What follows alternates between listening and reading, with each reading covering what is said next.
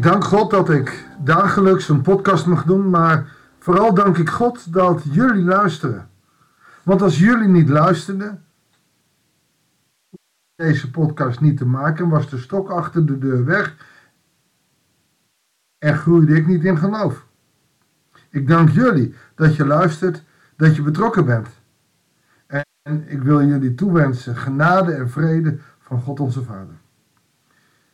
Als je deze aanhef hoort, dan zou je als het ware een stukje Paulus kunnen horen. Want Paulus die is ook dankbaar voor degene die hij een brief schrijft. Zijn aanhef is meestal gewoon heel erg positief. In sommige brieven wordt hij heel kritisch. Corinthiërs is hij best wel pittig kritisch. Filippenzen gaan we kijken, want we gaan uh, vanuit Twee Koningen en vanuit Lucas uh, over naar Filippenzen. En we zullen deze week, nou, niet allemaal uitmaken, Filippenzen 1 en mijn favoriete hoofdstuk, Filippenzen 2 is in het weekend. Helaas laat die gezindheid bij u zijn. Nou, dat mag je zelf lezen. Ik vind het jammer, maar uh, het gaat er niet om wat ik vind. We lezen voor vandaag Filippenzen 1, vers 1 tot en met 11. Goeiedag, hartelijk welkom bij een nieuwe uitzending van het Bijbelsdagboek. Filippenzen is een brief, um, vier hoofdstukken. Dat wil zeggen, het is een korte brief. Uh, een theoloog heeft daar vier hoofdstukken van gemaakt. Dat is vaak om het een klein beetje in partjes te knippen, zodat we niet te grote stukken uh, moeten hanteren. Vandaag de eerste elf versen. En meteen is de brief van duidelijk, hij is van Paulus en van Timotheus. Samen hebben ze hem geschreven, oftewel de, uh, de bedoeling is dat hij uh, wordt gelezen als dat hij van hem twee is.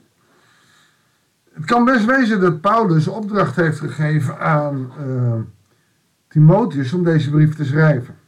Of dat er zelfs nog iemand anders is die bij hem is en die deze brief geschreven heeft met de intentie uh, om dat wat Paulus vindt door te geven en dat hij daar de naam achter gezet heeft van Paulus. Maar goed, daar kun je uren over uh, praten. Hij is gewoon van Paulus en van Timotheus. En dat zijn dienaren van Christus Jezus. Dus van wie zijn ze en wie zijn ze? Dienaren van Christus Jezus. In dat ene kleine zit, zit heel veel. Dienaren wil dus zeggen, niet hoogmoedig, maar ik ben at your service.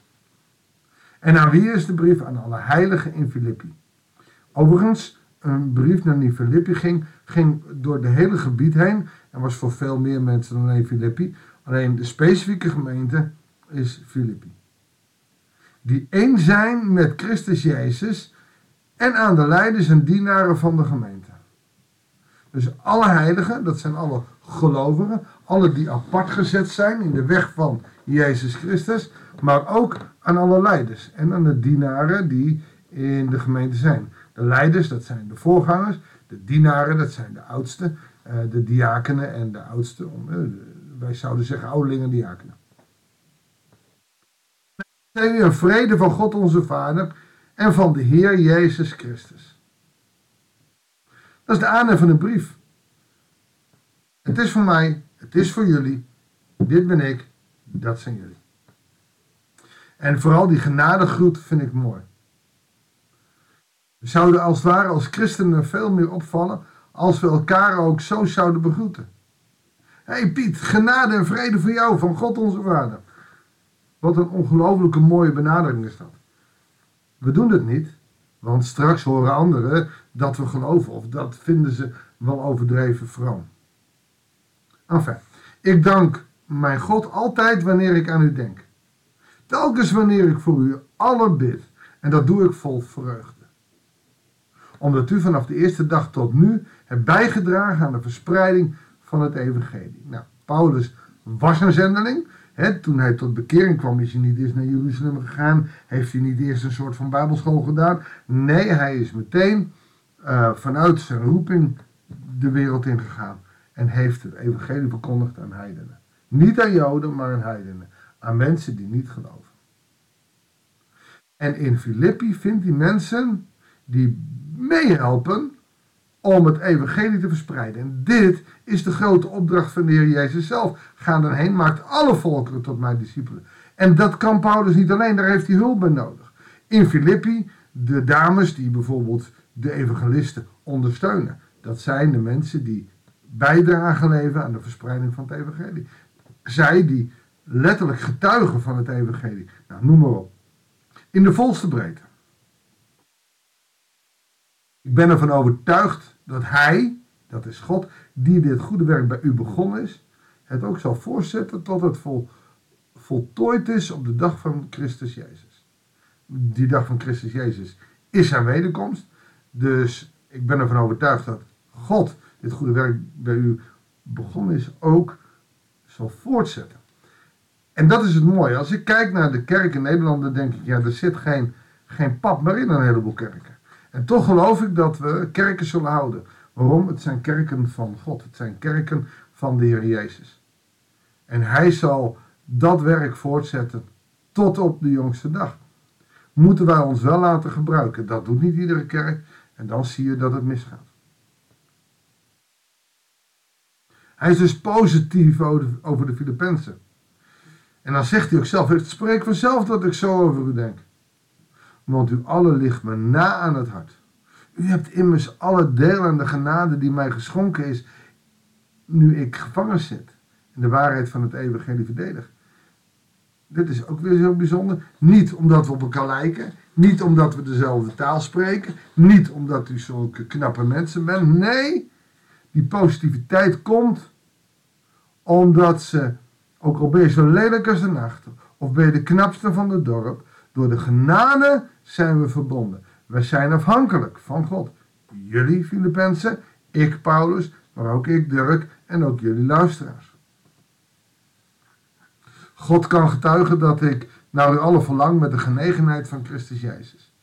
Die genegenheid is dat verlangen. Zoals Christus Jezus dat ook had in, in, in zijn verlangen om, om het woord te verkondigen. En niet op één plek, maar door Israël te wandelen. Ik bid dat uw liefde steeds meer aan inzicht en fijnzinnigheid wint. Dit kon wel eens op een doel van de brief duiden. Klaarblijkelijk mist de liefde iets fijnzinnigs. Want er is natuurlijk verschil. Als je van de ander houdt omdat het familie is, dan houdt hij automatisch ook van jou. Maar als je van een vreemdeling gaat houden, is het niet automatisch terug. Maar als je van hem gaat houden, is de kans dat de ander van jou gaat houden wel aanwezig. Nou, dat is die fijnzinnigheid. Als je het alleen maar doet voor mensen die je kent, dan is het niet zo belangrijk. Maar je moet het er ook weer niet te dik opleggen. Want dan wordt het er niet geloofd. En Filippenzen kunnen nog wel wat leren in die fijnzinnigheid. Zodat u kunt onderscheiden waar het op aankomt. Dan zult u op de dag van Christus zuiver en onberispelijk zijn. Door de liefde van God te gebruiken, dat doen mensen ook, maar kunnen ze wel eens heel lomp en overdreven aanwezig zijn. In de liefde van God, je moet dit, je moet zus, je moet zo. Maar die fijnzinnigheid is als we gaan kijken hoe Jezus die liefde deed.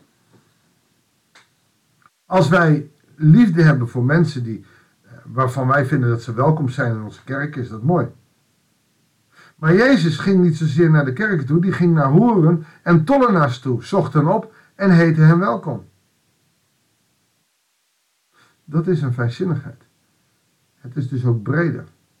Maar hij deed het in liefde. En als ze geen liefde wilden ontvangen, als ze niet daarin gevoelig waren, dan trok hij zich terug.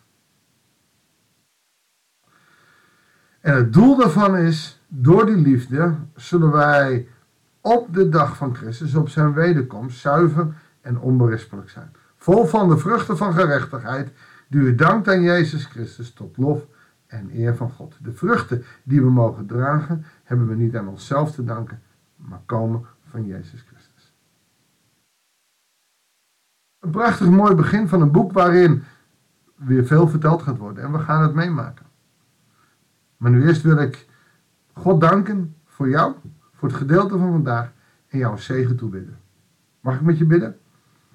Lieve Vader, dank u wel voor een stukje woord uit de Bijbel, waarin we zien hoe Paulus heel fijnzinnig de gemeente begroet. Hij gaat nog van alles vertellen, maar eerst laat hij zien wie hij vindt dat de gemeente is. En dan kunnen ze zich als gemeente daaraan identificeren. Heer, ik wil u danken voor de luisteraars. Voor hen die zo halstarrig zijn en elke dag luisteren. Of voor hen die af en toe eens luisteren. Heer, ik zegen ze met de liefde en de genade van u.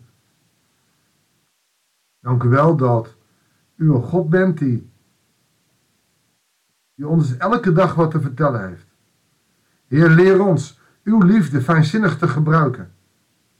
Niet te grof en niet te egocentrisch, ik weet het. Leer ons fijnzinnig, niet vrijzinnig, maar fijnzinnig te zijn. Opdat we steeds dieper in die liefde voor de ander ook mogen groeien. Heer, zegen ons daarin. In Jezus' naam. Amen. En die zegen geef ik jou, die zegen, die gun ik jou. Naam van de Vader, de Zoon en de Heilige Geest. Amen. Dank voor het luisteren en graag tot de volgende uitzending van het Bijbelsdagboek.